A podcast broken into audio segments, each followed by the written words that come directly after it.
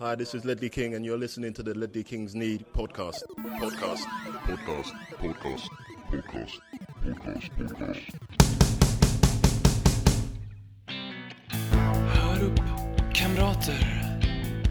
Håkmans soldater. Käka liljevita oblater. Och drick dina kolhydrater. Konsekvent, inkonsekvent. Det bästa som någonsin hänt. Du kommer aldrig bli dig själv igen, min vän. Här flödar hybrisen.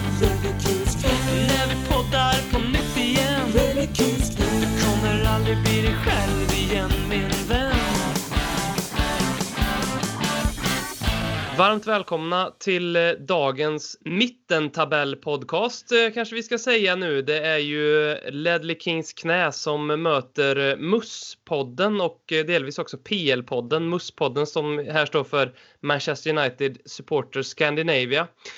Robin heter jag, till vardags är jag Tottenham-supporter. Ehm, och med mig idag för att begå den här gärningen, precis som Michael Carrick och Dimitar Berbatov, men också legender som eh, Teddy Sheringham, Garth Crooks och Fraser Campbell har gjort i tiden, så har jag eh, från min sida med mig Jim- Jimmy Jonevret. Tjena! Hur är läget? Det är bra, det är bra, mycket bra. Du har hämtat det efter förra veckans Eurotalk. Ja, absolut. Det, det har jag gjort. Det var superkul att vara med och eh, inspirerande, så att, eh, absolut. Och det är Skavlan nu på, i slutet av veckan. Ja, men precis. Och så kör vi Viasat-studion till helgen, så det blir Ja. nog bra.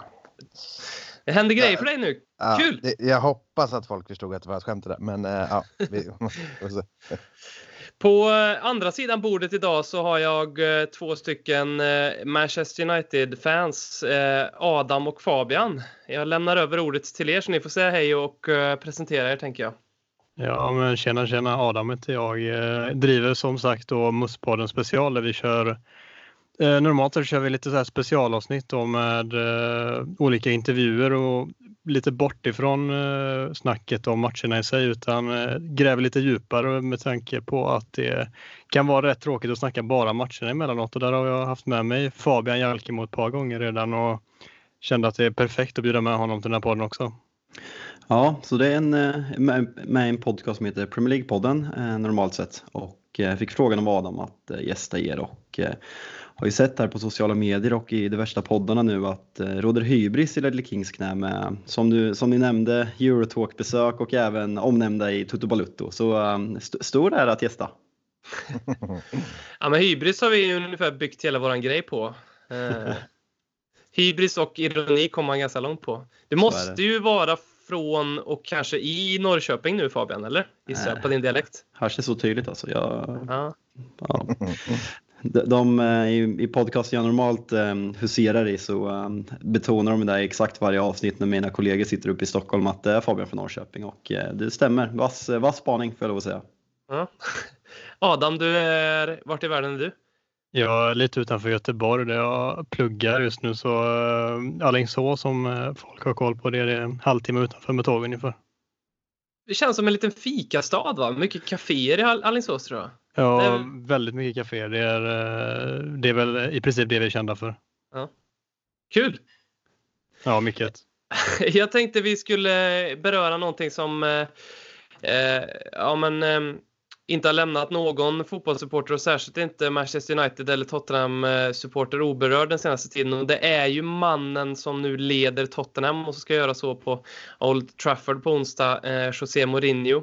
Jag skulle vilja höra först eh, Fabian och Adam här. Vad, vad, vad tänkte ni när ni fick den här nyheten då eh, om att det var Mourinho som eh, gick eh, ja, som fick jobbet i Tottenham.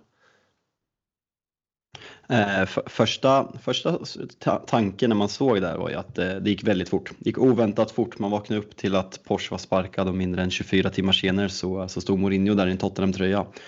Eh, även om sessionen i United inte blev vad man hoppades på så, eh, så tror jag att jag tillsammans med väldigt många United-supportrar har ett gott öga till Mourinho efter, efter vad han gjorde och eh, även hur mycket sämre det har blivit efteråt. Så det var, det var ändå positiva känslor. Även om det är en direkt konkurrent så var man glad att se Mourinho tillbaka i gamet. Det är i alla fall min första, första reaktion.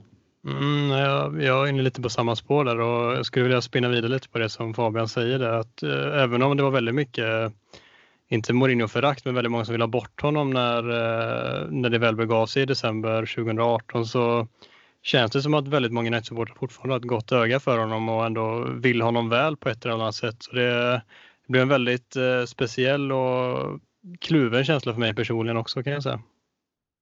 Mm. Jag är lite förvånad över att, att ni skulle säga, jag tror faktiskt att ni skulle skratta åt det här.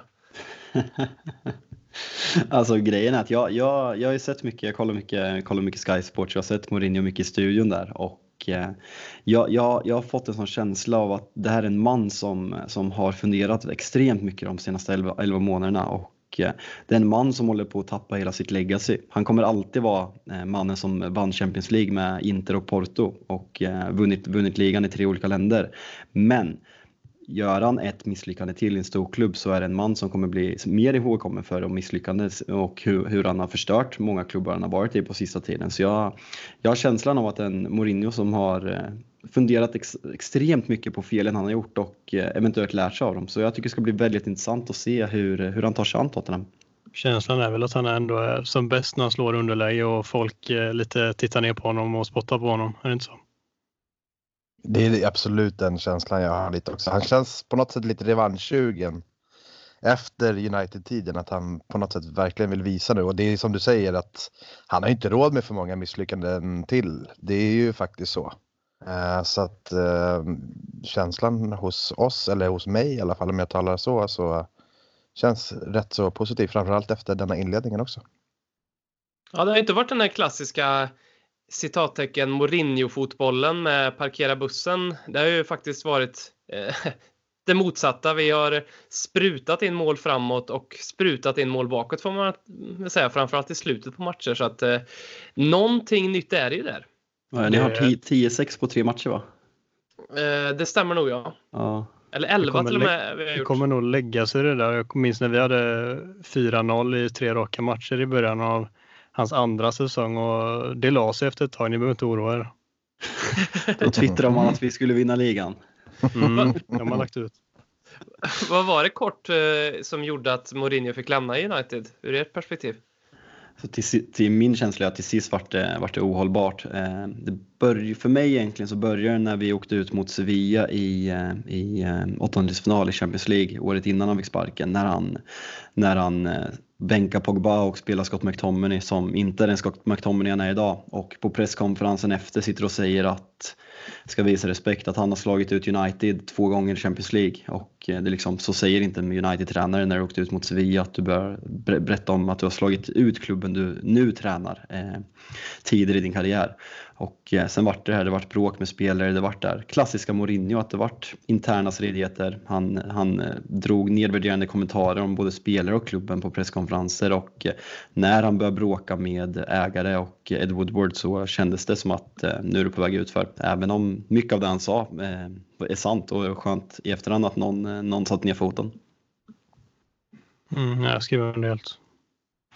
Mm. Vad tror ni om eh, Pochettino då? Är han på väg till United eller? Jag tror, alltså det, det är nog mer en lyckönskning än, från min sida i alla fall än eh, så mycket sannolikhet just nu. Sen kan det ske mycket den nästa tiden men först och främst så ser jag att Solskär riskerar rätt mycket till att han får sparken. Det, vi såg idag att uh, The Athletic skrev om, uh, Daniel Taylor skrev att uh, klubben backar om 100 och att de inte har en tanke på att ersätta honom den närmsta tiden. Men det vet jag också att de har sagt tidigare och sparkat tränare efter det så man ska väl ta det med en liten, liten nypa salt. Men min känsla är att de inte riktigt vågar sparka Solskär på lång tid nu för att det på något sätt skulle underkänna hela deras existens. Även om den delen är väldigt ifrågasatt så tror jag inte de skulle vilja erkänna sitt misstag där och bara av den anledningen så ser jag att det blir svårt för Bushtino att komma in även om det är som sagt min personliga drömtränare till att ta över efter Solskär gärna så snart som möjligt. felet från början i min värld och många andra säger att, eh, att vi anställde Solskär innan, innan säsongen. Han började helt enkelt för bra och det var en reaktion på, på ett destruktivt Mourinho United och eh, i efterhand så borde vi såklart ha väntat till sommaren och utvärderat. För hade vi velat ha Solskär, det är inte så att han hade sagt, sagt nej, ni, ni väntar två månader för, för länge. Och eh, slutet av förra säsongen så såg vi tendenser av vad som var i, var i år och eh, vi är inga innermittfältare och vi har ställt upp med Andreas Pereira och Fred på innermittfältet två raka matcher. Liksom det, det, man ser ingen spelidé, det är liksom kontringsspel och även mot sämre. Vi kan inte möta ett sittande lag och liksom, det är Manchester United vi pratar om och eh, där vi ligger i tabellen, det, det är tragiskt att säga det, vi ligger nia, vi är, vi är fyra poäng före Everton och eh, vi, vi är inte bättre just nu, eh, vilket eh, det är jobbigt. Har ni en känsla om att ni är Alltså som, som, som Tottenham-supporter så tycker jag att ni är precis där ni förtjänar att vara. Eh, har ni också den känslan? Absolut. Mm. Nej, verkligen. Det, det beror väl på en, en lång rad av felaktiga beslut från en sportslig ledning som är totalt oduglig egentligen. Fan, det låter som att vi håller på samma lag. Det, det... jag, känner, det, jag håller verkligen med. Det känns som att jag bara sitter här och vem pratar de Vem fan pratar de om egentligen? Det är så förvirrande. Det är så jävla mycket liknande känslor någonstans. För att vi bara har tagit beslutet att byta tränare egentligen. Mm. Ja, men det är ju två lag som eh, jag tycker har framförallt den här säsongen följt varandra åt väl, på, på, väldigt många olika sätt. Eh, det har varit två tränare som eh, har hängt löst men som ja, i, i alla fall i, i Pochettino-fallet så är det väl män med Solskär med allt, hans legacy han har United som ändå är populära i klubben. Eh, som liksom både klubb och fans tycker väldigt mycket om. Och då finns det liksom en konstig form av frustration som man kanske inte riktigt vet vart man ska ta ut den på. Eh, och då blir det ju väldigt lätt i de lägena klubbledningen. Och sen har väl, eh, det där var ju det stora problemet vi upplevde med, med Tottenham under Pochettino. Lite letargiskt och apatiskt och, och, så fort ett lag satte sig ner, parkerade bussen, Newcastle, Watford, det var flera, flera lag som gjorde det, så, så kunde vi inte bryta, bryta sönder dem. Ehm, och, och, det känns liksom som att spelarna liksom inte ville spela för honom eller för Tottenham. Någonting var galet, vilket jag tycker mig se i United också. Så att, um, lite lika där. Vad, men vad, är, vad är er känsla nu? Alltså vill ni ha bort Solskär? Jag personligen eh, tycker att det är dags ja, eller helst för några veckor sedan redan. Ja. Jag, eh, jag är inne på samma spår och eh, det, det är liksom så att vi, vi, vi har Arsenal som jag, jag ser att ni skrattar åt extremt mycket just nu. De har gjort en fruktansvärt usel start på säsongen och deras försvarsspel är bland det värre jag sett. De är liksom stundtals utspelade av Premier Leagues sämsta lag igår och eh, de sparkar sin tränare. Vi, eh, vi ligger efter Arsenal och eh, vi har kvar vår tränare. Och det är inte nog med den här säsongen, det, är liksom, det var de tio sista omgångarna förra året också som spelar in på det här. Så det är, liksom, det är på 24 matcher. Alltså han, Solskär har ett snitt, en snittpoäng som gör att du åker ut Premier League de senaste 25 ligamatcherna. Och Eh, det är Manchester United vi pratar om. Vår självbild kanske är överdriven eh, och vi ser, vi ser oss själva som en extremt stor klubb som ska utmana om titlar varje år, vilket vi kanske inte är idag. Men någon måtta måste det vara och det ska inte spela roll om du heter Ole Gunnar Solskjaer och har gjort en Champions League-final för det måste finnas kvalitet i slutändan och det finns det inte. Mm, ja, det är, just för att jämföra där Ja, men just för att jämföra det med Arsenal som du säger, alltså Emery tog ju 28 poäng på sina 22 senaste Premier League-matcher medan Solskjaer i sin tur har tagit 26, men han sitter liksom ja, till synes säker då till skillnad från Emery. Det, det säger ändå en hel del kan jag tycka. Om vi ska jämföra med Pochettino så tog han faktiskt då 25 poäng på sina senaste 22 matcher, så det var en poäng sämre än Solskjaer och det är väl statistik säger inte allt, men om man bakar ihop det hela till en stor kaka så ser vi att det det är väldigt många bitar som inte stämmer för att eh, det skulle vara värt att fortsätta med Solskär här och nu.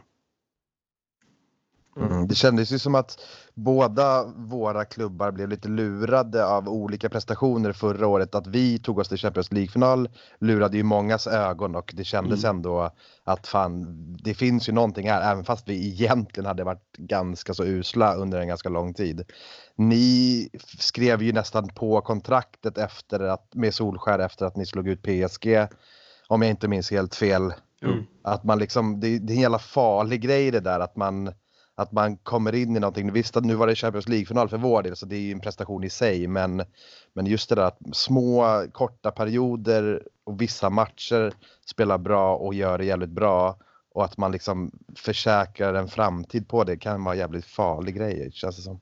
Men hur ser, hur ser ni som eh, utomstående supportrar, även om vi är eh, rivaler, hur ser ni på Uniteds situation med Solskär? Eh, om, vi, om vi pratar på ett eh, större perspektiv. Liksom. Ja, men ur, ur ena perspektivet så är man ju väldigt glad att han sitter vid rodret. Eh, at the wheel så att säga för att han eh, verkar ju inte kunna, eh, ja men eh, absolut, United borde väl vara en, en topp 6-utmanare med den, med, med, med, med, den klubben som man har. Spelarmaterialet och potentialen och allt det där. Eh, så ur det perspektivet är vi, vill vi ju, precis som med Unai Emery, det var ju liksom en liten heartbreak för oss också att han fick, fick gå liksom, för han körde ju ner Arsenal i, i fördärvet så. Eh, sen så har jag alltid lite så här, jag är kluven inför det här med att, med att sparka tränare. Jag gillar inte att det funkar. Eh, något sätt så tycker jag att det är tre saker liksom som avgör om en klubb ska, ska fungera. Det är eh, har man en bra trupp, har man en bra manager och är, klubb, är klubbens filosofi upp till ledningen så, att säga, på, på, på samma plan som, som managern och truppen är och vill man investera i, på rätt nivå, då ska det funka. Och när då liksom som i Tottenhams fall, när man har en trupp som är jättebra, man har ekonomiska förutsättningar som är ännu bättre, att då sparka tränaren i det läget, nu tror jag att det var eh, helt rätt sak att göra faktiskt, trots den varma känslan över Pochettino. Eh, så, så, så, så, vill jag ändå tro någonstans att även eh, dåliga resultat kan övervinnas av en, en, manager över tid. Jag menar, om man tar exempel Sir Alex så hade inte han guld och gröna skogar från första dagen 1986 eller när fan det var han tog över United. Liksom. Han har ju gått igenom en hel del piss så att säga eh, och, och sen skördat framgång. Och det där tycker jag att eh, det där skulle jag liksom jag vet inte om det är rätt att United håller kvar i Solskär. Jag tror väl kanske inte det. Ni borde, ni borde nog absolut sparka honom. Men samtidigt funderar jag också på vem kan ni ta nu då? Um, Pochettino tror jag är för dyr. Jag, jag tror det. Uh, vi... ja, om det handlar om pengarna så tror jag inte det är det som ska förstöra någonting i det här fallet. Men jag håller med dig om i grund och botten att man vill ha en tränare som ska vara långsiktigt. Däremot så känner väl jag att man bör satsa på rätt tränare ska ta det långsiktigt. Vi har inte sett tillräckligt av Solskär för att han ska få det mandaten att bygga den här klubben och sätta den här grunden som på sikt ska ta oss tillbaka till den absoluta toppen utan att eh, på något sätt hitta rätt typ av tränare som får det uppdraget är A och O här nu men tyvärr har vi uppenbarligen en för inkompetent klubbledning till att fatta ett sådant beslut. Det är liksom om man, om man jämför med de konkurrerande klubbarna så har vi Jürgen Klopp spelat eh, två Champions League-finaler, vunnit en. Vi har Guardiola vunnit två Champions League. Eh, två Premier League-titlar och vunnit ligan med i både Spanien och Tyskland. Vi har José Mourinho, eh, kommentarer överflödiga. Vi har Brennan Rodgers eh, som nästan vunnit ligan med eh, Liverpool tills Gerard halkade. Och fick vinna också i podden, det är alltid uppskattat.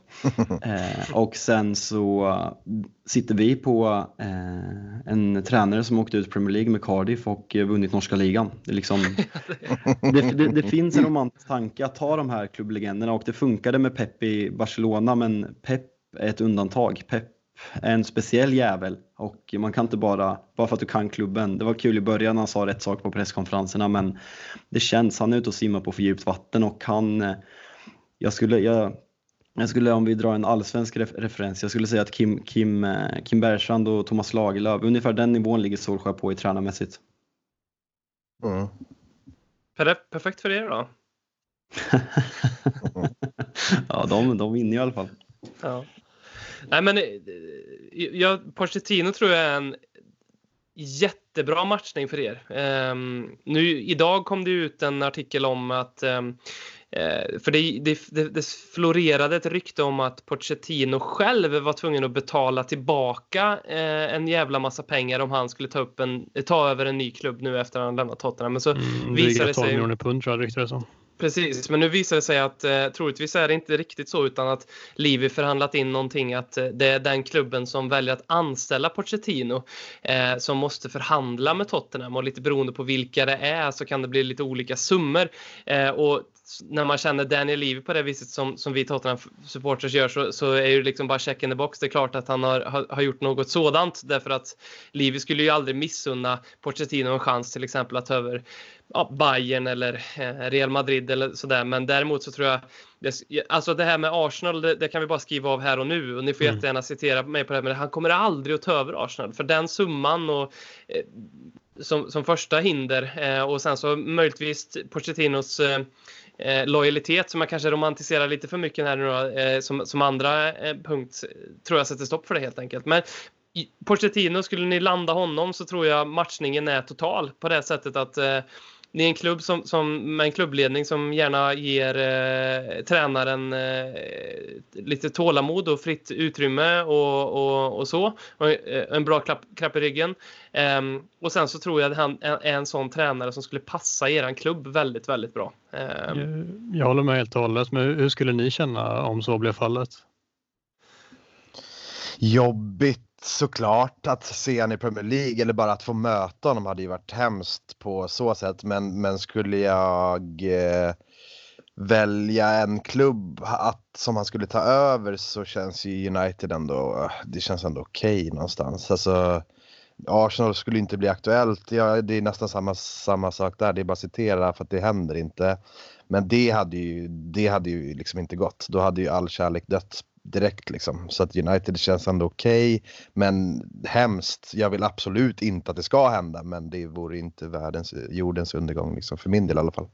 När jag såg att det hände och när vi hade signat Mourinho så, så eh, basunerade jag ut på alla cylindrar i affekt att jag hoppas att eh, Pochettino tar över United och leder United ut mot Tottenham och vinner med 10-0. Eh, och det kände jag väldigt starkt just då. Det kände jag inte nu eh, med lite distans till det. Så att eh, det har svalnat lite. Jag, jag gillar honom väldigt mycket så att jag, jag, jag, vill honom väl bara. Men sen så vill jag absolut inte att han ska ta över United för det, för det kommer nog sluta ganska bra faktiskt. Ja, men jag, det är det jag är rädd för också för att man har ju, man har ju det är väl lite som du sa att jag tror att det skulle vara en jävligt bra match för att det var lite samma under samma premisser som han tog över Tottenham att det var rätt mycket dödkött, mycket strul. Jag vet inte hur ni ser på det kanske men lite spelare som kanske inte är helt motiverade. Vi hade ju de här Adebayor och Capo och det var Kirikes och som han liksom kunde sålla ut. Och det känns som att ni har en del sådana spelare också. Som du säger att ni startade med Fred och Andreas Pereira senast på mittfältet. Nu är Pereira ganska ung och lovande, Fred också kanske i och för sig. Men... Nej. Nej. men, men det känns som att han hade kunnat få ett ordning på det där precis som han fick i Tottenham. Så jag är rädd för att hade han tagit ett Manchester United idag hade det kunnat sluta alldeles för bra för Tottenham med Tottenham-ögon sett. Det, det är där man glömmer med Pochettino, att man ser ju, jag personligen när man tänker Pochettino ser man de här senaste åren när han har tagit Tottenham från en, en klubb som utmanar om topp 4, eh, var ständigt topp 6, men de utmanar aldrig på riktigt. De senaste tre åren har liksom Tottenham tagit ett enormt kliv i världsfotbollen och är en väldigt respekterad klubb som ska utmana om de största titlarna på något sätt ändå. Men eh, man glömmer ändå att det var Pochettino som verkligen tog de här mediokra spelarna som du, som du nämner och eh, hittade spelare väldigt billigt många av dem. Exempelvis eh, om vi tar en sån som Son och liksom värva in en backlinje av nej, snudd på absoluta världsklass där ett tag. Och eh, det, det, ska inte underskattas och det är en sån träning United behöver som, kan, som har en spelidé och värva spelare efter den och eh, det, vilket är något som vi har saknat. Mm. Har, ni, har ni fått mycket pengar? Alltså har Solskär värvat spelare? Så han, han värvar ju för, eh, han värvar ju Maguire för 80, Van Bissaka 55 och Daniel James för ungefär 15 eh, och sålde där till eh, Lukaku för 70. Så säg ungefär 80, 80 netto i somras. Eller min matna, 80, ungefär 80 miljoner på netto i somras. Eh, mm. så, och Mourinho värvade för 70 förra sommaren. Så sett till hur dåliga vi är så är det väl inte överdrivet mycket. Men jag tror att det finns pengar om de vet att de investeras väl. Mm. Men det vart ju också en speciell situation i och med att ni värvade Maguire för 80. Liksom. Det blir ja. ju mm. det blir ju speciellt mm. med sådana siffror liksom, på något sätt. På... Vi, jag tänkte bara fråga lite om just Mourinho, då vi glider över lite mer dit. Vad, jag märkte att ni var djupt frustrerade när han tog över från första början, men hur känns det nu när det har lagt sig lite och vad, hur går tankegångarna nu? Ja, men, eh, I början så var det precis som du sa, det kändes ju som att vi hade liksom tagit en cancersvulst och placerat den i kroppen av fri vilja. Ehm, eh, men för att, och, och, det är inte så mycket Chelsea-grejen att han har tränat Chelsea och en stor ikon där som stör sig för mig, utan det är mer eh, personen Mourinho. Eh, och framförallt det han gjorde i United när han kastade Luke Shaw under bussen liksom efter varje match ett tag där. Och, eh, och sen också de sätt, det sättet han har lämnat både United och Chelsea på som fick en att känna men han är ju slut. Och sen så har det där fått landa lite och så ser man ju att okej, okay, han är ju en av de absolut främsta managerna i, i i modern tid och att Tottenham ens kan eh, få honom är ju häftigt. Om det nu kanske beror lite grann på att han har gått ner sig såklart och att Tottenham har gått upp sig. Att vi möts på ett perfekt läge just nu. Det, det, så kan det ju såklart vara. Just nu så som den som den kappvändare är så, så känns det ganska bra med Mourinho. Det, det, det, har gått väldigt fort. Jag tar honom absolut inte till hjärtat. För mig har han väldigt mycket att bevisa. Jag vill se att han verkligen nu har haft ett sabbatsår och liksom blivit frälst och, och döpt på nytt och kommit fram till att man ska vara trevlig och snäll och ödmjuk och allt sånt där. Eh, jag vill se vad som händer när, när vi torskar en match eh, och, och, vad han säger i presskonferensen därefter och när vi har en liten tuffare streak och när han kanske inte får den transfer han vill ha. Det, det, det är liksom då jag först kan utvärdera honom honom. Sen så, som sagt så, så är det det är lite kul att kolla på Tottenham igen. Eh, det märks att han har, han har lyft klubben och det märks den attention vi har fått som klubb den senaste tiden på presskonferenser, i media, i social media. Eh, bara den saken gör att, att, att mannen är spännande. Eh, men att ta honom till hjärtat, där, där är jag inte riktigt. Jag vet inte hur du känner Jimmy? Nej, men jag, är, jag håller precis med dig. Vi delar exakt samma känsla. Däremot att du nämnde där att, att du inte stör dig så jättemycket på att han är Chelsea-legendar och sådär. Det, det har jag lite svårare för tror jag. Han är någonstans lite förknippad med Chelsea för mig. Jag vet inte vad fan det är. För det var någonstans där jag tyckte att han var det var där någonstans jag började ogilla honom någonstans. Sen att jag förstod också att han var en, skulle bli en stor tränare, men det var, det, han är rätt mycket Chelsea för mig. Men sen som du sa där tidigare också att, att det här med att han började snacka skit om United på den här presskonferensen och att han vände liksom, han brydde om sig själv där när han pratade om att, eh, vad sa du, att han hade slagit ut United två gånger tidigare. Alltså sådana där grejer är jag livrädd för liksom. Sen så är det bara som du säger Robin att eh, bara hoppas att han har han har ändrat attityd, liksom att han ska vara lite gladare. Då, då är jag positiv till det här, absolut. Det, det är som du är inne på Robin. Eh, om, vi, om vi tar de tre senaste klubbarna han har varit i, om vi tar sejour 2 i Chelsea, United och nu även i Tottenham. Han, det är ju en charmig det är en charmig jävel. Vi, han, han, han är ju vass. Han vet vad han ska säga och han vet hur han ska charma folk när det går bra. Och det ska bli, som du säger, extremt intressant när ni får en sämre period, när någon gör en dålig match. Hur kommer han reagera? Har han lärt sig att det funkar inte? Du, du, du, kommer, du kommer gå in i en ond spiral och det kommer sluta på samma sätt. Eller kommer, kommer han ändra sig? Det är det som ska bli intressant. För när i, i framgång är Mourinho helt fantastisk. Han säger rätt saker och han, han är omtyckt och han är omtyckt av spelarna för de gör allt för honom. Men eh, vi får se, det, blir, det ska bli väldigt intressant att följa Tottenham de nästkommande månaderna. Mm. Hur eh, reagerade Tottenham-lägret när han bytte ut Erik Dyer i Champions League-matchen under första halvleken? Ja, men då satte man ju sig lite i fosterställning och, och satte på duschen och, och liksom eh, höll för öronen för att nu kan det ju smälla här i, i presskonferensen efteråt att han säger att Eric Dyer är inte vatten värd. Liksom. Men det, det var första han gjorde i den presskonferensen var att säga att jag vill inte på något sätt eh, rikta någonting mot Eric Dyer. Vi behövde göra en taktisk förändring. Så det har han liksom cancellerat ut det. Eh, Eric Dyer är en väldigt populär eh, spelare i Tottenham så att den omedelbara reaktionen på Twitter var ju delvis liksom lite chockartad men också någon någonstans tror de flesta insåg att det var helt rätt sak att göra. Jag tror inte Dyer satte en fot rätt de första. Nu var ju Harry Winks kanske ännu sämre, men, men eh, Eric Dyer var ju. Han var inte bra där eh, i, eh, i de inledande 26 minuterna eller var mot, mot Olympiakos. Det var någonstans, någonstans i det här också, för jag håller helt med. Det var ju läskigt om man sa nej, nej, nej, nej, vad händer nu liksom? Men någonstans lite befriande också för att många gånger har Pochettino varit för jävla långsam med byten och liksom han har väntat länge på att förändra någonting och sådär. Så att visst, 26 minuter det kanske är lite väl, men det händer ju någonting samtidigt också. Vi vänder ju faktiskt matchen och vi får ju en effekt på det. Så att lite befriande men också jävligt läskigt alltså. Det går inte att argumentera mot i efterhand och det var som någon, någon skrev på Twitter att tar man in en direkt ersättare så är det en annan sak. Nu blir det liksom en, en balansspelare till en offensiv. Det var som jag var på plats på Wembley, eh, eller tre år sedan, när ni mötte Liverpool och körde över dem.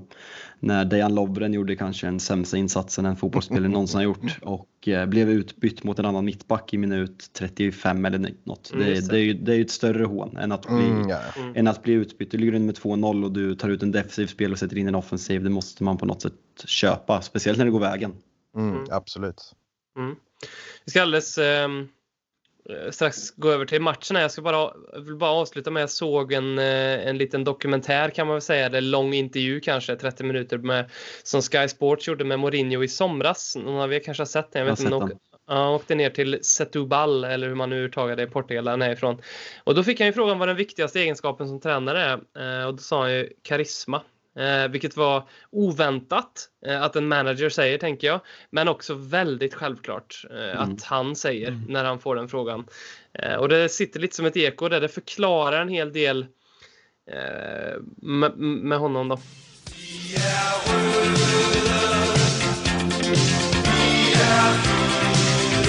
Hej, mitt namn är Christian Eriksson. Jag är 7 och 5 halvfjerds år gammal och jag spelar offensiv mittfältare i Tottenham Hotspur. Jag kan också spela central innermitt och höja offensiv och ibland också vänster offensiv mittfältare. Jag befinner mig nettopp i höjdpunkten av min karriär och jag är ledig nu efter en ny utmaning. Om du är intresserad kan du ringa min agent, Mr Preben Prebensen, på nummer 756 halvfjerds 34 98. Ha det!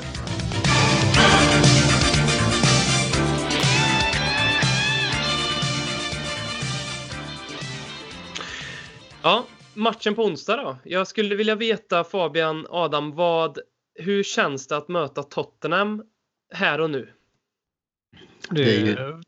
Jag ska bara flika in det så en snabb grej som jag tänker på. Det första jag tänker på är att det kan vara början på slutet för Solskjaer detta om det vill sig riktigt illa. Jag tror att två torskar här mot Tottenham och City så kan det börja hända grejer oavsett vad de säger utåt klubbledningen. Det, då, det skulle betyda att vi har fyra segrar på de första 16 matcherna. Vi har fyra på 14 nu, vilket är jättedåligt bara det. Men fyra på 16 och förmodligen alldeles för långt upp till fjärdeplatsen. Då, då tror jag att det kan hända grejer. Så rimligtvis att det skulle kunna vara början på slutet då.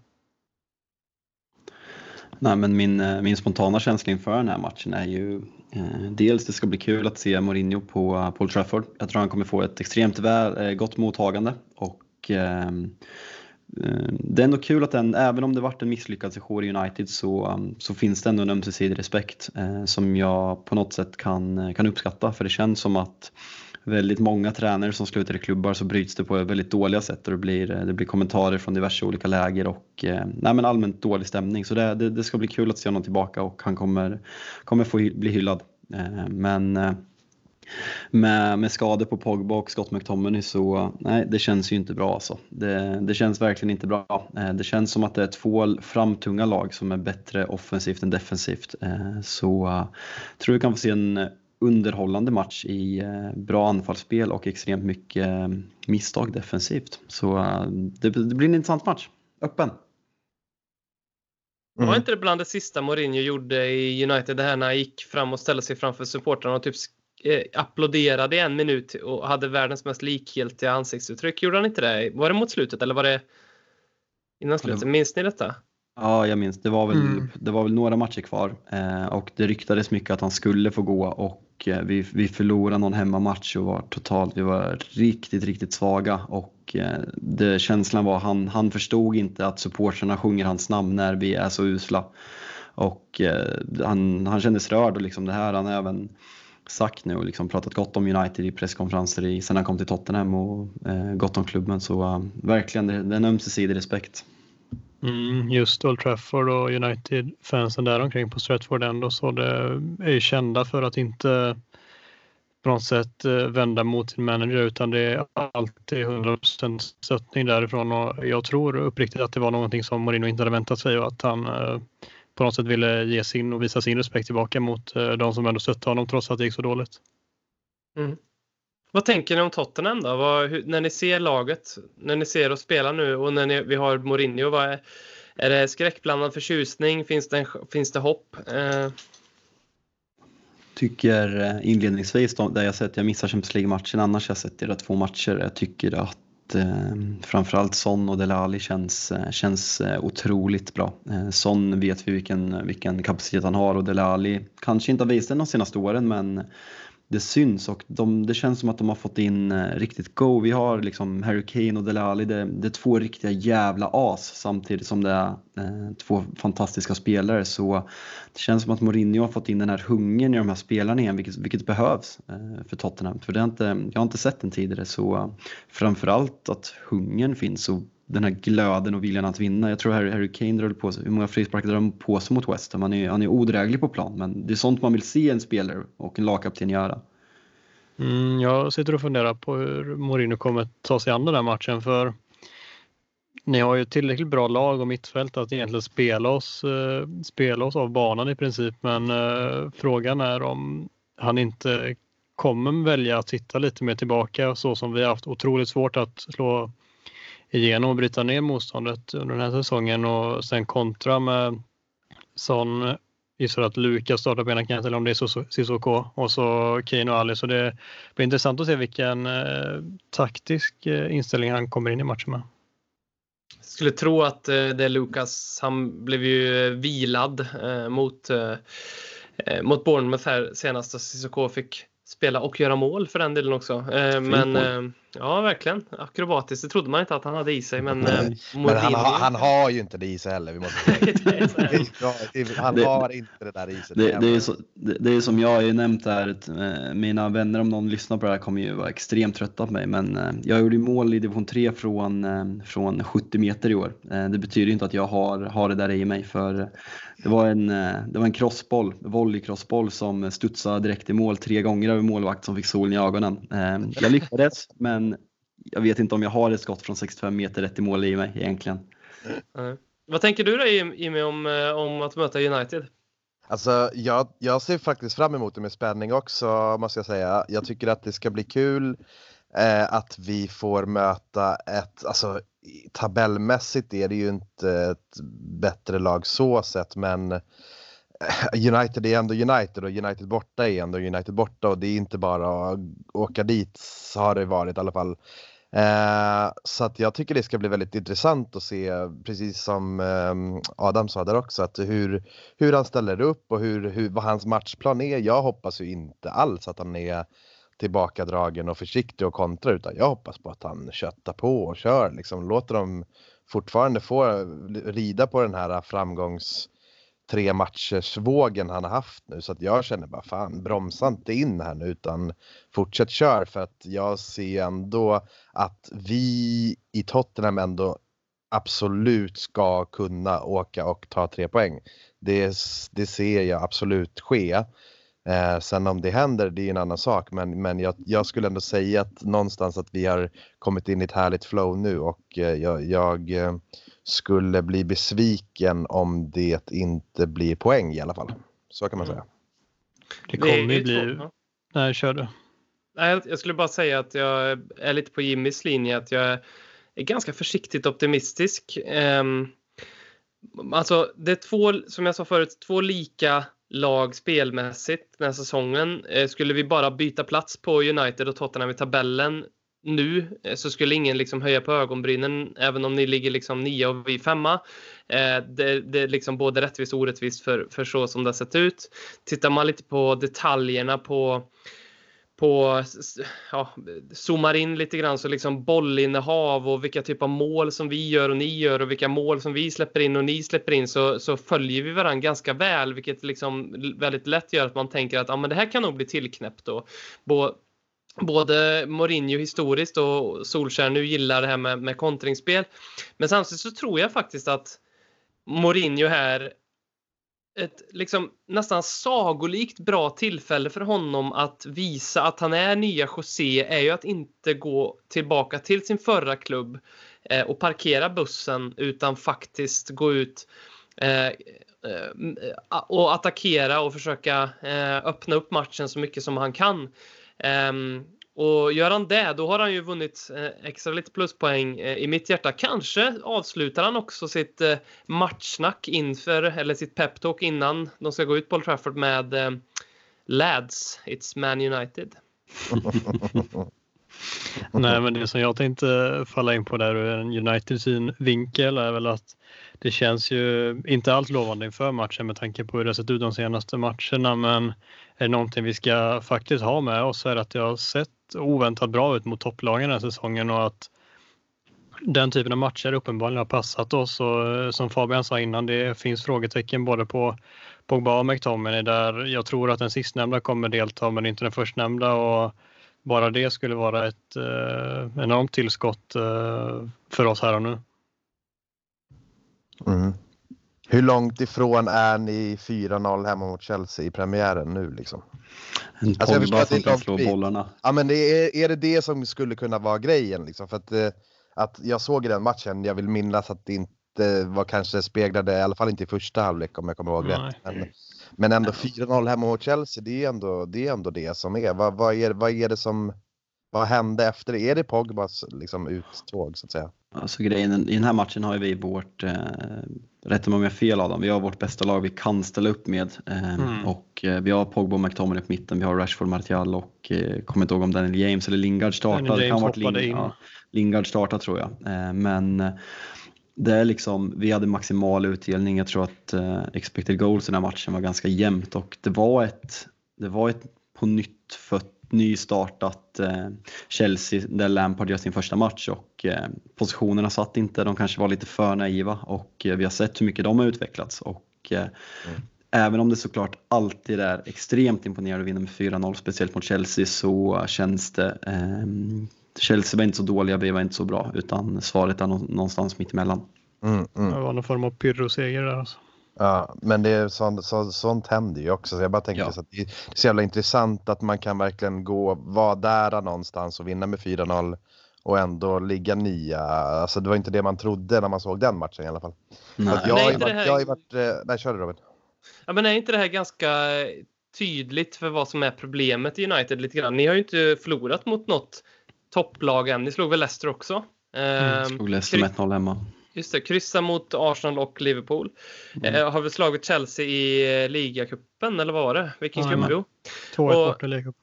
Just det. Och um, är inte det liksom tydligt då att Old Trafford med allt vad det är, när det kommer ett storlag eller Manchester United med, med allt vad det är, då, då ska man liksom sätta på sig finkavajen och uh, inte smutsa ner sig utan göra det riktigt jävla bra jobb liksom. Men, men, men när man spelar mot ja, vad vet jag, jag minns inte vilka, ja men kanske som Villa då igår.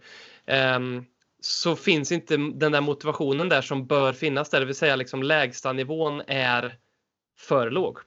Mm, men det är helt andra parametrar som spelar in mot den typen av lag. Det, mot topplagen så kan det många gånger räcka med jävla inställning och bra, bra, bra steg. Liksom. Det är i princip det som vi har vunnit mycket på kontringar och Uh, mycket jävlar anamma och eh, mot, när vi säger som en match igår mot Aston Villa eller Sheffield United eller eh, Crystal Palace eller vilket lag vi nu vill nämna av alla de som vi inte har lyckats slå den här säsongen så är det helt andra grejer som behövs för att eh, kunna vinna den typen av matcher. Det är ett grundspel som behöver sitta vilket vi inte kan se överhuvudtaget i Manchester United det här året. Vi, jag trodde att vi skulle få se något implementeras under sommaren men som, så, så fel som jag hade det, det trodde jag faktiskt att jag skulle ha i slutändan. Mm. För det, det, en grej jag kan vara lite orolig för är ju att jag vill ju som jag sa att vi ska köra på framåt och inte backa hem och parkera någon buss utan rid på vågen. Men, men när man har sett också de här tre inledande matcherna Mourinho och vårt försvarsspel. Så om vi ältar på framåt och kör så kan ju vi bli rejält straffade. Vi höll ju för fan på att tappa, alltså, mot, alltså vi höll ju på att släppa in 3-3 mot Bournemouth. Bournemouth. Det var ju alltså en Vertongen-tackling ifrån så att eh, att om vi ska öppna upp oss och slarva bakåt då, då kan det med en bra för dagen Rashford smälla till ganska så ordentligt tror jag. Mm, det, är det, det är det som känns ovisst inför den här matchen. För de senaste matcherna när vi inte haft en fungerande innermittfältare så har ju vi vi har tre individuellt skickliga toppspelare i Rashford, Martial och James. Eh, men det är, liksom, det är ingen som kan ge dem bollarna. Det är liksom tjonga upp och hoppas. De är inte spelarna som dribblar bort gubbar på samma sätt som vissa andra lag. Utan de, de måste mer ha bollen och, eh, och löpa sig till chanserna. Och det är det som har saknats lite i de här matcherna. Så eh, det, som sagt en extremt oviss matchbild. Och Eh, svårt att förutse hur egentligen båda tränarna går ut i den här matchen med inställningen. Då, då det lika gärna skulle kunna bli 3-3 som det lika gärna skulle kunna bli 0-0-0-1 och bli en extremt tillknäppt match. Det, det, det, känns ovisst och eh, intressant på det här sättet. Mm. Det är ju lite kanske orättvist att den skrivs upp så mycket som det gör med tanke på hur båda lägren har presterat den här säsongen. Men jag tänker också lite grann på att det, det, det, det, som kommer hända om United vinner det är att ni eh, vad ska man säga, sensation. Det blir inte så, så mycket sensation utav det utan då blir det bara okej, okay, då ska vi se hur, hur länge Ole Gunnar nu blir kvar. Då, så. Mm. Men det som händer om, om vi vinner. Um, då tror jag att då kan det bli ett jävla skriveri om den här matchen. Att liksom Mourinho eh, kommer och bevisar sig igen. Han är på nytt född. Han sätter sista spiken i kistan för Ole Gunnar kanske. Han slår mm. sin förra klubb. Det, det, kan liksom mediedrevet kommer se otroligt olika ut beroende på hur det blir. Och sen så kanske det blir ett kryss och då får de väl försöka vaska fram något annat som de har hittat i matchen. Jag vet inte. Ja, nej, men verkligen intressant eh, vinkel och tanke på det hela. Då, det, då vi även där har något jag tror motiverar Mourinho något oerhört. Han har ju han har gett Ole Gunnar en känga i, eh, i, i Sky när han säger att eh, jag skulle också vilja ha ett jobb där det enda är att prata om framtiden och säga rätt saker. Och det var ändå Ole Gunnar som tog hans jobb och blev extremt hyllad i början. Jag tror att eh, Mourinhos ego kommer alltid vara kvar. Att eh, börja vrida om kniven i Solskärs hjärta tror jag det, det, tror jag lockar och motiverar honom något extremt inför den här matchen. Mm. Han känns lite som den typen. Gillar att jävlas lite. Mm. ja. Karisma som sagt. Tycker du att Jörgen Klopp är den skönaste snubben som finns? Tycker du att stämningen i första och sista matchminuten på Anfield är det häftigaste du varit med om?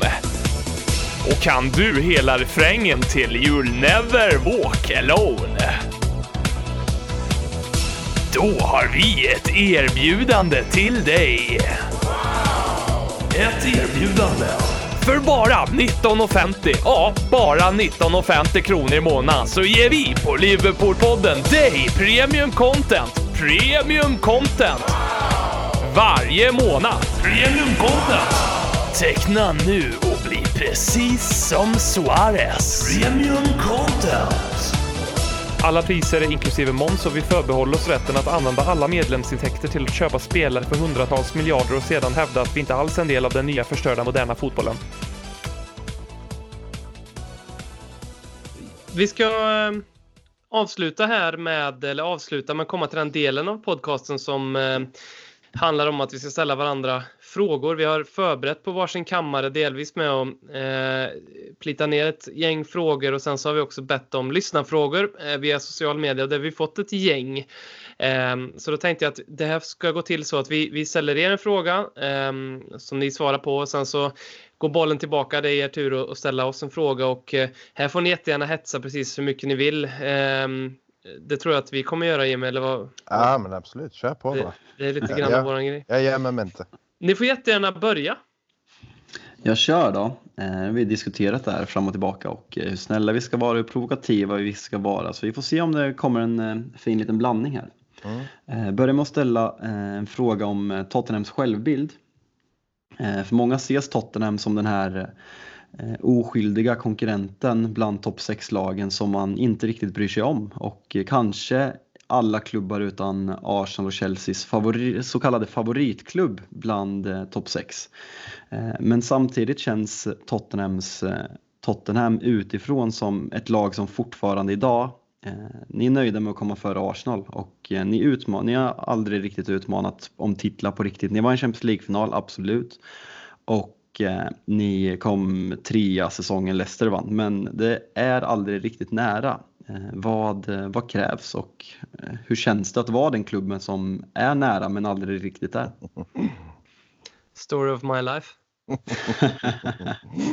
Alltså verkligen. Jag kan någon, alltså jag vet inte vad det är, men det, någonstans ska jag gilla att vi fortfarande, liksom, eller fortfarande, men det är som du säger, att vi har ändå tagit oss någonstans såklart under Pochettino, men Mm. jag kan ändå gilla att man inte riktigt är högst upp heller. Att man, det är så jävla härligt att slå er då så att säga, de som ska vara större och ska vara bättre och de som spenderar mer pengar. För då ser man ju, då tänk, i alla fall- så här är det i alla fall, nu kanske, jag tror jag kanske bara pratar för mig själv, men vinner vi mot till exempel er då som spenderade 80 miljoner på en mittback som är lite halvfet liksom.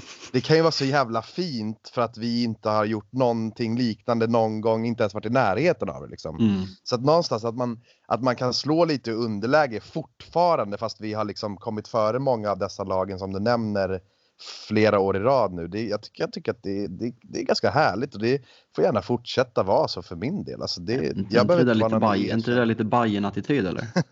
vi, ska ju tydligen vara Englands Bayern så att vi, vi, får väl, vi får väl ta den då. Ja, men eh, man måste, när, man, när du ställer den frågan så måste man förstå att vi har, vi har två olika perspektiv. Eh, ni har ju perspektivet att ni har haft er storhetsera som nu är över och ni är som supportrar upplevt eh, det finaste ni kan uppleva med en klubb och, och kommer aldrig mer att göra det igen. Medan vi har det framför oss och vi kommer in med det här perspektivet att jag och Jimmy har ju liksom hållit på ett Tottenham som hade Anthony Gardner som mittback och Gary Docherty ibland på topp och som slutade 10, 11, 14 och sådär. Och- Så att man, det där är, när det står 3-0 i den 88 minuten, då, då, då finns det inte många Tottenham-fans som tänker det här, det här, det här är en vinst liksom, utan de flesta tänker att ah, fan, det här blir nog ändå 3-3 liksom i alla fall.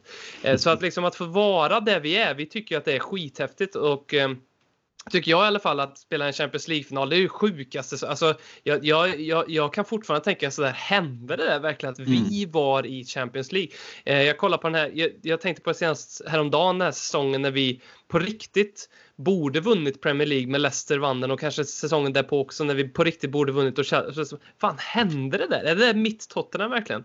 Och då händer det något med självbilden för nu har vi ju absolut helt plötsligt har vi en massa jävla egna supportrar som skriker om att så här, det är så jävla dålig inställning att tänka sådär för det handlar bara om att vinna titlar och det säger ändå någonting om att vi har attraherat en till typ, ny typ av fans också. Mm. Men, och sen så tror jag man måste se att Livi har plockat Tottenham. Pochettino fick uppdraget, etablera sig i topp 4, han löste det. Eh, och sen så blev Li- Livi lite tagen på sängen. Okej, är, det, är det till och med Pochettino som ska, som ska vara den som leder oss in i den här eh, stora storhetstiden? Eh, så, så att det verkade så ett tag. Men, men sen så har ju Livi insett nej, det är inte. Och han vill dit. Eh, och därför har vi José Mourinho idag. Mm. Så vi har det framför oss och ni har det bakom er. Det är väl mitt svar. Mm. Ja. Jag jag kan ju spela vidare då för att jag har en, fråga som matchar det väldigt, väldigt bra. Det blir nästan som en, en, en reflektion då, men man, man kan ju verkligen säga att under många år så har Tottenham haft ett litet United-komplex. Ehm, och går man väldigt långt tillbaka i tiden så sitter det här väldigt djupt rotat i och med att Tottenham faktiskt var och nosade på Sir Alex 1984, men han tackade ju nej till Tottenham då. och Sen så vet ju alla vad som hände.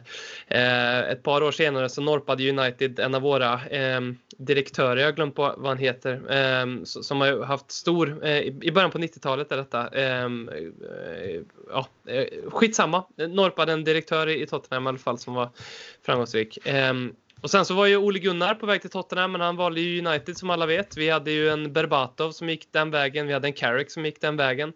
Men sen så, någonting efter Ferguson-eran hände att när vi tvålade till United sista matchen på White Hart Lane Um, och det som har följt därefter med att United har ryckt lite Aldeveireld och Eriksson och Harry Kane. Det har inte känts lika självklart längre att, att de ska gå till United. Det känns inte som rätt steg. Och när Pochettino ryktades till United här nu när innan Solskjaer skulle ta över så, så kändes så, Jag var inte det minsta orolig att han skulle gå till United. Och, och då tänker jag så här.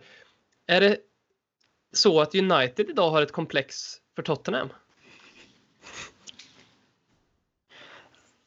Komplex ska vi väl inte eh, kalla det, men om vi bara benar ut det lite så tror jag det ligger mycket i det. Så alltså, i eh, just det att vi har långsamt på något sätt eh, närmat oss avgrunden nu i flera år sedan Sir Alex slutade. Det har hackigt gått ett steg fram och två steg bak i princip i, i sex år. Och det, jag tror det är snarare det, det i kombination med att det tar mycket, alltså Premier League i sig och så mycket pengar och nu att det, av den anledningen kan vi inte locka spelare om vi ska ta den biten av frågan också. Vad, hur tänker du Fabian? Nej men eh, bra fråga, bra fråga. Eh, jag har ju kollat Tottenham mycket de senaste åren och liksom sett mycket i sättet jag vill spela fotboll och sättet man vill bygga en klubb från, eh, från grunden. Och, eh, Alltså attityden på plan och liksom eh, absolut, men det här du säger att eh, i min värld, jag kanske är eh, naiv och har en självbild av United som är direkt felaktig, men jag tror fortfarande att vårt varumärke och vår historia väger så tungt så att en tränare som Pochettino, jag tror att United fortfarande är ett högre namn. Och man ska inte underskatta det, det globala marknadsvärdet för en, och Manchester United snarare än Tottenham. Och de här tre, sex åren har inte förändrats på det i min värld. Så vi får se, fortsätter det i sex år till då, då kan man ha en annan diskussion. Men för mig just nu så, så många underskattar fortfarande Uniteds varumärke, framförallt globalt. Det, det, det där är så jävla intressant att tänka egentligen. För att jag, jag vet att jag reagerade på det nu när jag såg att eh, Jadon Sancho börjar bråka lite mm. och vill bort från Dortmund eventuellt och att, att ni eh, att ni någonstans, nu såg jag i och för sig att Liverpool var ganska högt eh, för honom. Men att, att han verkar vara favorit att gå till United. Då det, det första, jag kan inte låta bli att tänka det, men då, det, min första tanke är vad fan, varför, varför vill han gå till er? Det verkar ju jättekonstigt. samma sak. Mm. Alltså, han måste ju ha så många bättre alternativ. Det är min första tanke liksom. Men ja, ja, ja jag fattar ingenting. Men det, det är intressant hur man, man ser det ju på olika vinklar. Liksom. Så, så, såklart är det ju så. En, en sak som jag har tänkt så här, jag har tänkt på tidigare också, men även under podden så här, hur, hur ser ni på rivaliteten Manchester United-Tottenham? För man, man har ju ändå en viss typ av rivalitet mellan alla topp 6-klubbar eh, och eh, det, det, känns så här liksom, det, det är någon, eh, på något sätt någon, eh, jag vet inte, vad, vad, vad säger ni från Tottenham-håll? Ja men eh, under väldigt många år och framförallt de åren som jag började bli Tottenham-supporter liksom eh, sent 90-tal, början 20 När vi spelade mot United, det var ju liksom så här. Det fanns inte en chans att vi skulle ha eh, en poäng med oss från en sån Nej. match. Liksom. Eh, och, så att där, och då finns det inte naturligt en rivalitet i och med att ni också ligger så långt mycket norrut som ni gör. Mm. Eh, och sen så gick det så snabbt. När vi axlade upp så axlade ni ner eh, så att vi hann aldrig liksom gnugga den där eh, vad säger, cap-racet mot varandra så att det byggdes upp en rivalitet. Nu känns det snarare som att United spelar jag mycket hellre mot än Chelsea, Liverpool, Arsenal eh, mm. idag. Eh, så att, och City såklart. Eh, mm. Så att, så, och sen så just liksom det här men som vi har med Arsenal, liksom, de och Chelsea, de tycker vi inte om för att vi är en Londonklubb och för att vi, vi har empati och liksom ett intellekt som är högre än deras. Eh, men, men något sånt finns inte med United heller. Nej, det var nej, lite, lite ironiskt sagt där också. Men, eh, bara så att, men, eh, Fast du, du har ju inte fel i sak. Precis. Vad, vad känner du Jimmy? Nej, alltså jag, jag håller helt och hållet med. Det, vi, vi, vi gick om varandra på något sätt så det vart aldrig, för det är verkligen så i, i våran uppväxt och våra Tottenham-supporterliv så att säga, då har det ju aldrig varit aktuellt än. Det, ni är ju, ni var liksom dagens någonstans Liverpool, att man kom inte riktigt åt det hur gärna man än ville liksom. Mm. Men sen så, det gick jävligt fort där och man, man håller helt med. Man, det blev aldrig någon riktig grej där tyckte jag. Det, var, det är på något sätt lite synd för man vill ju ha rivaler och jag på något sätt eh, av någon sjuk grej så gillar man ju liksom att bli irriterade på andra supportrar och andra tränare och vad det nu än må vara. För det hör ju liksom till fotbollen. Det är ju, det är ju det är därför man älskar den här skiten liksom. Så att det, ja, det, var, det, var, det, var, det, det rann ut någonstans. Ja, nej men ab- absolut, absolut, jag köper det. Det är en bra, det är bra take och förmodligen väldigt sant. Jag, jag själv har sett eh, Tottenham United tre gånger i London och eh, aldrig känt den där riktiga, eh, den där riktiga hetsen och rivaliteten mellan supportrar även när man har stått på bortasektionen i White Hart Lane. Eh, men eh, fantastisk arena för att, för att nämna White Hart Lane också. Mm. Fint. Er tur med en fråga då. Ja, vi funderade som sagt lite och eh, vi- ville prata lite om eh, det med Pochettino så började ni ju på ett väldigt så här, långsiktigt projekt där eh, det skulle ta tid och någonstans lyckades ta er upp nästan till toppen. Men då betonar nästan och när Pochettino nu skulle lämna så var det många som förväntade sig att det på något sätt skulle bli en tränare som skulle ta vidare detta men så landade det i José Mourinho som kanske är den mest kortsiktiga tränaren som finns där ute på marknaden och han älskar att spendera pengar om vi tittar på hela hans karriär och Daniel Levy hatar att spendera pengar om vi ska dra det till sin spets. Så eh, våra tankar var mer hur ni ser på den, att hur det ska fungera, hur ska de två gå ihop och hur ska det kunna gå, att de två ska leda detta tillsammans vidare. Vad, hur tänker ni kring det? Alltså, Ja, det, där, det, där har, det där har man ju pratat och diskuterat och funderat över väldigt mycket för att det, på det sättet angående pengar, Mourinho och Levi, det är ju en katastrofal match så sett. Eh, sen så har man ju också funderat på att någonstans så har de ju, måste de ju ha kommit överens om vad som kommer hända framåt nu. Levi måste ju antingen ha varit tydlig med att hej, du kommer till oss men du, det finns inte pengar här. Du kommer inte få massa pengar att spendera. Det är så vi jobbar. Eller att Mourinho har fått igenom att hej, jag kommer till er om jag får spendera pengar. Så kan någon, någon, något av dem har ju bestämts tror jag. Det är inte så att vi Ah, det är någonting där är det och jag, någonstans skulle man ju bli lite provocerad om vi skulle börja spendera en jävla massa pengar nu. Eh, självklart, det vill vi ju för att vi är ju inte så jävla vana med att köpa massa spelare. Men det skulle ju också vara för jävligt mot Pochettino på något sätt. För det var ju, det var ju egentligen det som saknades för att han skulle ta det nästa steget. Liksom, och att kanske till och med vinna en ligatitel. Det gjorde vi nästan utan att köpa spelare. Så att jag menar, skulle vi börja spendera nu, det hade ju gjort mig nästan lite förbannad. Även om det är klart att man vill det. Mm, jag har ju samtidigt tre stycken tongivande spelare som sitter på utgående kontrakt. Uh, går tankarna kring att det är Mourinho som ska vara den som på något sätt bygger vidare detta projektet mot uh, dess nya version? Ja, men det, är ju, det här är en väldigt bra fråga därför att det var en av de sakerna som gjorde mig mest upprörd med just valet José Mourinho. Det var det första jag tänkte att okej, okay, det är för att Daniel Levy vill rycka i ja, men den här på spåret röda handbromsen som hänger över hans huvud och säga nej, nu bromsar vi det här Pochettino-projektet och så, ehm, så räddar vi topp fyra den här säsongen och kanske får vi med en titel. Därför eh, sätter vi dit Mourinho. Men jag, jag tror, som Jimmy säger, att eh, båda de här två herrarna är duktiga förhandlare och har tydliga idéer om vad de vill göra. Så att någon form av överenskommelse har de gjort. Om det nu är en deal med djävulen ehm, det återstår att se eh, åt båda håll ska jag säga. Ehm, men jag tänker också jag tycker att det här är ett litet projekt och framförallt som vi sa det i förra veckans podd eh, Joao Sacramento som, som eh, är eh, Mourinhos högra hand. Det är inte Rui Faria där som, som det har varit under alla år. Um, utan det är en 30-årig kille uh, som är en av de absolut mest, kanske mest lovande tränar, uh, tränaren eller vad man ska säga i, i, i fotbollseuropa nu, i Sjö Sacramento.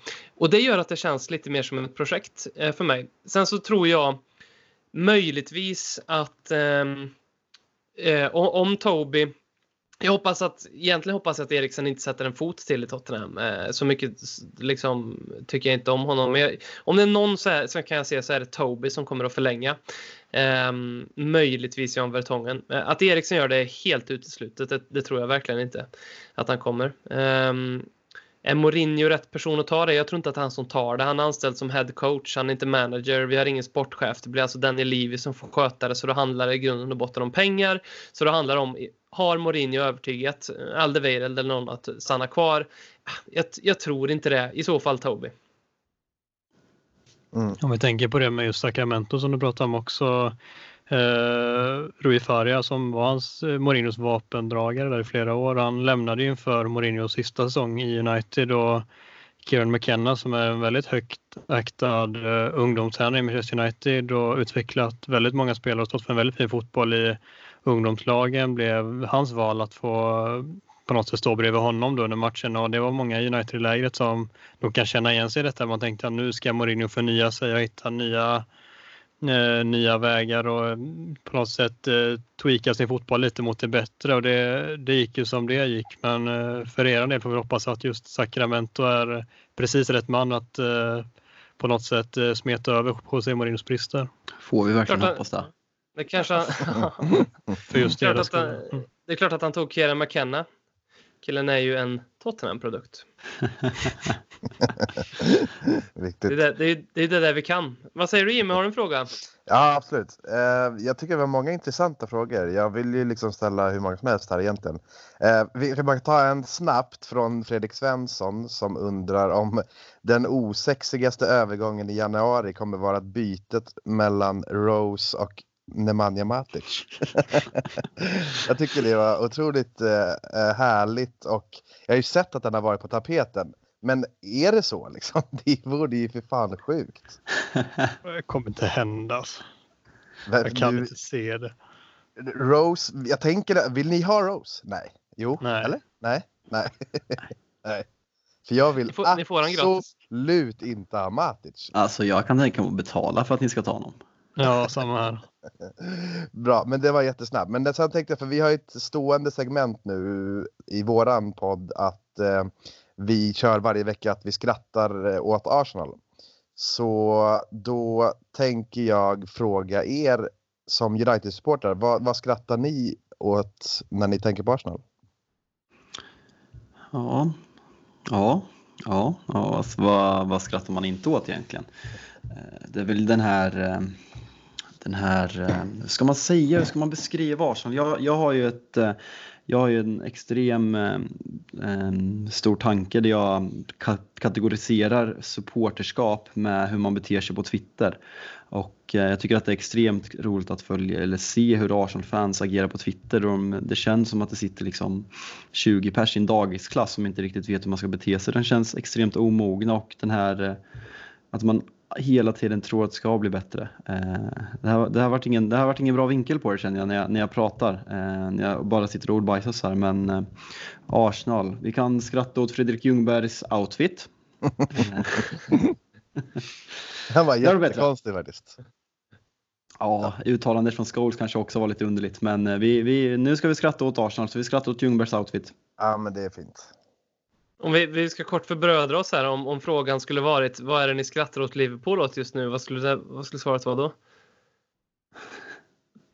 Just nu finns det väl inte jättemycket att skratta åt egentligen. Men aj, aj, aj, aj, Om, vi, eh, om vi tar på ett större perspektiv så är den här extremt eh, världs, eh, världsanvändande världsombildaren som liksom, det är liksom, det, det, always the victim is never your fault. Det är liksom den, den mening som, som, som sammanfattar Liverpool som stad och Liverpool som fans och scousers överlag. Och för att förtydliga, det har ingenting med vad som hände i Hillsborough att göra utan det har mer med, med den sång som är om scouters överlag och framförallt Liverpool-fans. Så jag tycker att den, vi har Suarez-affären, vi har, vi, har, vi har så många olika, eh, olika händelser som har skett genom åren som verkligen begrundar det här och visar att det är ett eh, speciellt jävla typ av folk som vi inte gillar helt enkelt.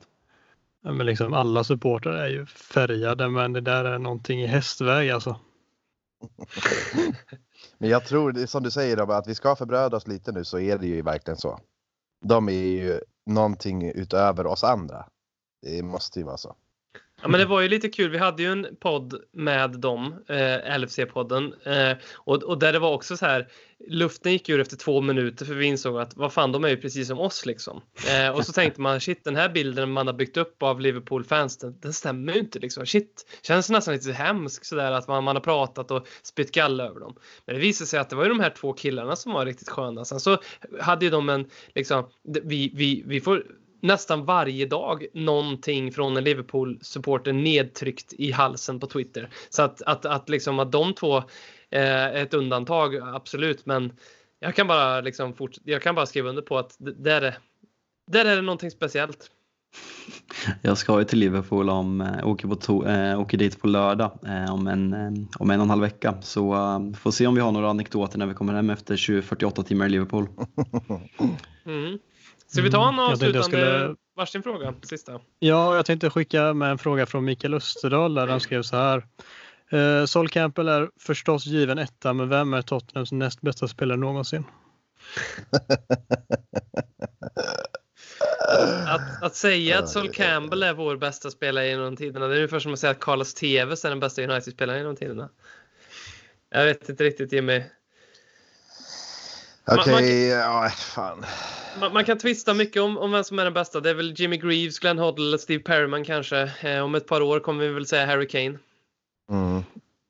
Alltså för mig så är ju den bästa Tottenham-spelaren i mitt supporterskap. Ja, är det, är det, det är väl, är det Ledley King eller Robbie Keane kanske? Mm. Skulle jag väl säga ändå. Mm. Om vi bara hugger in en snabb fråga där på tal när ni nämnde han som eventuellt kommer bli den största spelaren. Eh, om vi bortser från att er kapten är skadad, eh, hur känns det att ha en kapten eh, som eh, med grova talfel som är extremt svår att förstå vad han säger? Och eh, kan liknas som en grottmänniska. Ja, men det är ju... eh, de- Den här... Det säger så mycket om er att det är det ni har på Harry Kane.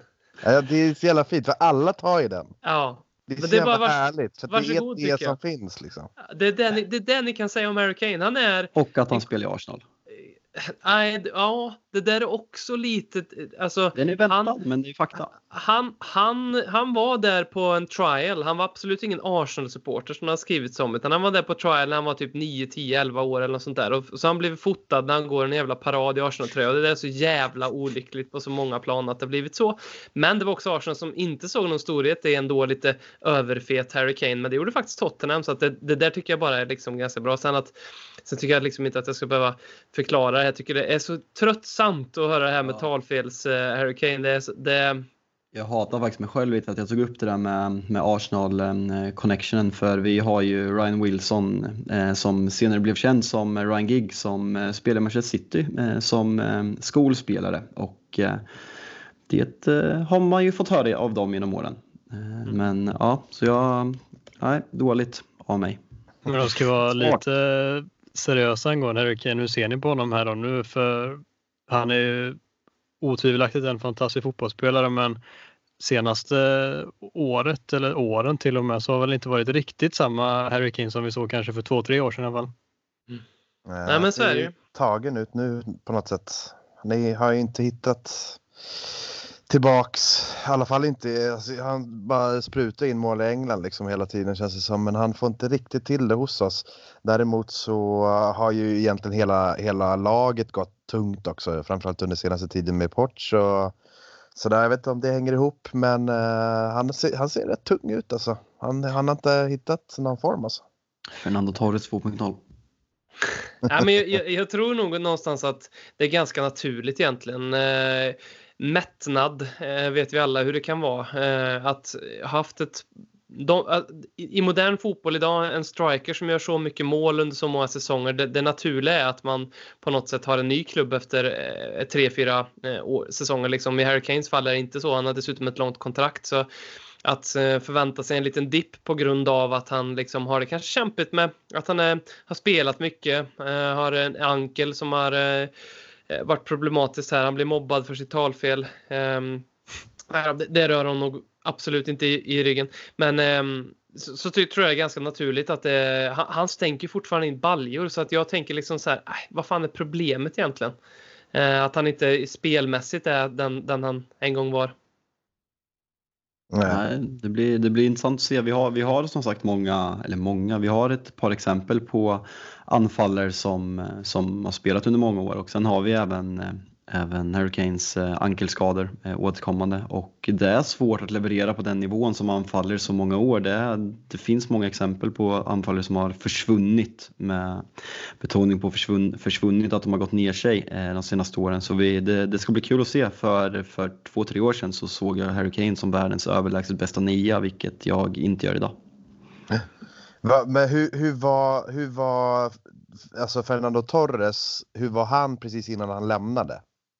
Eh, innan han lämnade Liverpool. Alltså precis, för han gick Han till Chelsea ju- från Liverpool. Han, han var, hade ju ett otroligt eh, 09 10, 08-09. Sen hade han ju lite skadeproblem i ett och ett halvt år och var det där sista halvåret direkt svag. Och att de betalade 50 miljoner pund för honom var ju, det var ju liksom det bästa som kunde hända Liverpool. Och eh, de, de, Carragher sa i sin podd med, eh, tror att det var med Henry, att eh, han, han trodde inte att det var sant att någon betalade 50 miljoner pund. För de såg liksom på träningarna att det, inte, det var inte samma spelare. Och eh, Sen har man Champions League i Chelsea, eh, det, det ska man ändå komma ihåg, men eh, det var ju inte samma spelare och eh, han var inte jättegammal, han var inte ens 30 när han gick till Chelsea så eh, det, ja, sen tror jag inte att Kane blir en Fernando Torres men Nej, precis. Jag, tänkte komma till det också. Jag tror absolut ingen rädsla för att det ska ske. Men det är ändå intressant liksom hur man ser. För att han var ju så jävla bra att se något år där. Och så att, eh, att det kan Fernando gå Torres har inte ner. spelat hos oss.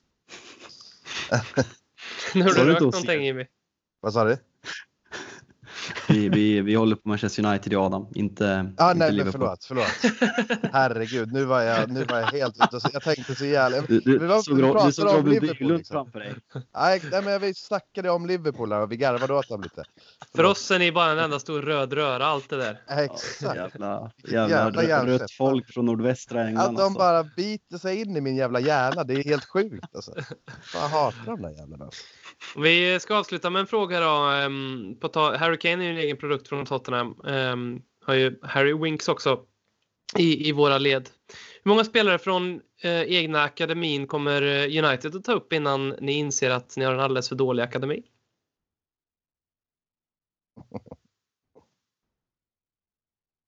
Ja, ska man svara på det? Eh, ja, jag har ingen aning. Bra fråga. Eh, först och främst så tycker jag ju personligen att vi har en väldigt bra akademi. Det, det vill ju alla hävda, men om vi ser till den typen av spelare som vi ändå lyckas producera lite då och då kommer en Rashford och så två, tre senare kommer en Greenwood som jag personligen är övertygad om kommer slå sig in i, i, i ett Manchester United eh, förr eller senare. Om han blir en spelare som gör 20 mål per säsong eller en sporadisk startspelare, det, det får vi se. Men att eh, producera varannan var tredje år en, en Manchester United-spelare, det, det ser jag ändå som ett eh, ganska gott tecken. Det, att producera varje år, det, det är få lag eh, i, världen som lyckas göra det till den absoluta toppfotbollen.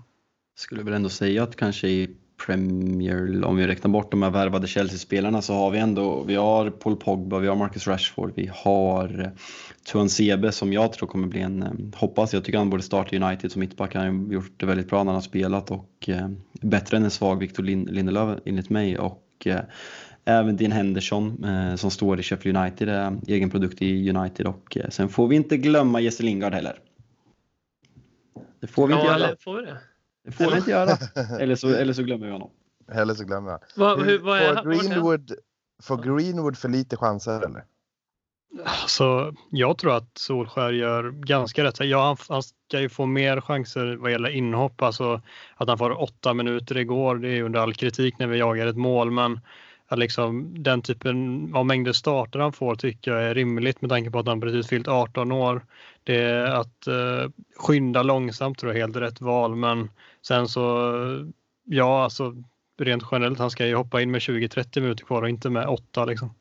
Många har pratat om det här med just Mason Greenwood att eh, det kanske är ett år för tidigt att han har den rollen han har för bakom Martial och Rashford som liksom delar på två platser så är han liksom nummer ett eftersom vi eh, eh, sålde Lukaku och Sanchez utan att ersätta dem och eh, det inte att begära väldigt mycket av en liksom kille som knappt har spelat seniorfotboll. Att han, han ska vara den spelaren vi slänger in när vi jagar mål än, om vi möter Tottenham. Mm. Och eh, det kanske hade varit bra om vi hade haft en, en annan spelare som man hade kunnat se och lära mer av i år. Men eh, vi, vi, vi får hoppas att Solskär gör rätt och eh, skynda försiktigt har varit eh, melodin hittills. Sen återstår att se om det är rätt. Mm. Mm. Är det någonting ni vill ha sagt i protokollet innan vi summerar och stänger böckerna för den här veckan? Ah, inte på rak arm alltså. Har ni något? Ja, men jag, har en grej, ja, kör, kör, kör. Jag, jag har en grej nu med lite sändningstid med andra supportrar. För det här tror jag faktiskt att vi, har, vi är någonting på spåren. Eh, för två år sedan, eh, och nu kommer ni få lite skit för det här men det, det kommer snabbt att suddas över så kommer ni, ni förstå. Men för två år sedan, eller tre år sedan faktiskt, så hade vi en liten drive med, eller en beef med Viaplay. Vi har satt och det var ju, eller om det var två år sedan kanske, men Zlatan-åren eh, när Zlatan spelades där och ja, men alla känner ju till som håller på ett lag i England att eh, är det lördag och klockan fyra så, så finns det bara en match att visa och det är ju inte via Plays fel utan det är ju rättigheterna i, i Premier League som, som ser ut på det här viset. Eh, och det kan man debattera om. Men det vi valde att lägga fokus på då det var att eh, vi ville att via Play, vi har satt ändrade sitt upplägg på att istället köra pay-per-view. Um, istället för att man ska som supporter punga ut 400 kronor i månaden för att kanske få se sitt lag. Eh, och när man säger detta så svarar de någonstans med att jo, jo, men vi har ju La Liga och Serie N och högsta ligan i Brunei och andra ligan i Ukraina liksom och så, sådär. Och så känner man så här, ni fattar inte grejen. Och här tror jag supportrar oss emellan att vi kan vi borde kunna, vi har redan fått det här lite från Liverpool-håll. Nu är det ju så att de, Liverpool blir ju smekta medhårs något så in i helvete nu och um, Arsenal eh, alltså, kan ju kanske bli det nu när Ljungberg har eh, blivit eh, deras manager. Men här tror jag faktiskt att det finns någonting eh, att vi, det, där vi som supportrar i Sverige faktiskt kan påverka. Eh, jag vet inte om ni har någon spontan reflektion på detta. Men... Eh, det är väl mer om vi kommer in på Liverpool-spåret här nu igen så är det mer den här eh, Liverpool-maffian som man blir extremt eh, irriterad på det här som tror att det, liksom, att det, att det är de som gör att det sänds Liverpool-matcher. Liksom, United är det lag som har visats lördag klockan fyra varje gång vi har spelat under hela min uppväxt. Och liksom, nu är Liverpool bäst och så är det men vad, vad Viaplay kan göra i framtiden det, det får vi se. Ja, nej men så är det ju. De, eh, de kan ju inte själva påverka, men jag tycker de kan i alla fall påverka sitt, eh, sitt erbjudande till oss fans. Att har man inte sett en match kanske man inte... Man, det, man, det kanske ska inte vara noll kronor, men kanske en hundring eller sånt där. Nu blir det lite mycket produktutveckling och Viaplays vägnar här och de får lite skit för detta. Men, men jag tänker ändå också någonting vi kan kroka arm över. Men det är fan viktigt att ta upp ändå tycker jag också, för jag håller helt med. Mm. Betala 500 spänn för att kanske se sitt lag en gång i månaden. Det är ju det är Mm. sjukaste dealen man har gjort i hela sitt liv. Då är jag ändå knutit till med något jävla mobilabonnemang där jag gick till något centrum som 15-åring liksom och betala 800 spänn liksom. Men Och du pröjsar väl är- för Eurosport här nu också, Jimmy? Ja, ja, Sen- det var en ganska rolig grej att jag köpte Euro, Eurosport Player för att se Tottenham åka ut mot Colchester i ligacupen. Så att eh, det, det var väl också en ganska dålig investering men det här via Play tar ju nästan priset faktiskt. Ja, nej, men det där på tal om sånt där. När United spelade Europa League för två år sedan när vi vann, det var ju två gratisperioder med Dplay Premium för mig. Eh, sen så glömde mig, sen glömde mig sig upp det och fick en påminnelse och det gick ju till inkasso båda gångerna. Eh, så, för att man fick fakturan på en annan mail. Så det, det, det är min erfarenhet av sånt där. Nej, men det är faktiskt en ny, ny situation för oss de senaste kanske sen Zlatan, sen Zlatan eh, lämnade United att Eh, tror att det är fyra, fyra eller fem matcher redan i år på 14 omgångar. När en annan har fått sitta och leta fullstream och som United-fan är man inte van med det och det är nästan så att man Ibland så överväger man nästan att skita i att se det för att det är så frustrerande och så dålig kvalitet på allt. Och, eh, nej, det är, ett, eh, det är 2019 och det ska kunna levereras bättre på något sätt. Sen hur de gör det, det vet jag inte. Men det är under all kritik som ni säger. Jag vet inte om jag är med så Adam fortfarande. Hans bild har frusit, hans video har frusit där. Och nej, tveksamt. Han, nej, nu försvann han. Ja. Mm. Men då tror jag att vi ska summera detta och tacka Adam såklart och, och Fabian från, från Musspodden för ett eh, trevligt kött och eh, inte lycka till på onsdag då helt enkelt. Nej, jag får säga likadant. Det var, det var trevligt att, eh, att gästa. Får vi se hur eh, återkommande lyssnar jag är på en eh, Tottenham-podd eh, i framtiden. Men något avsnitt kommer det nog bli. Gött. Tack Jimmy.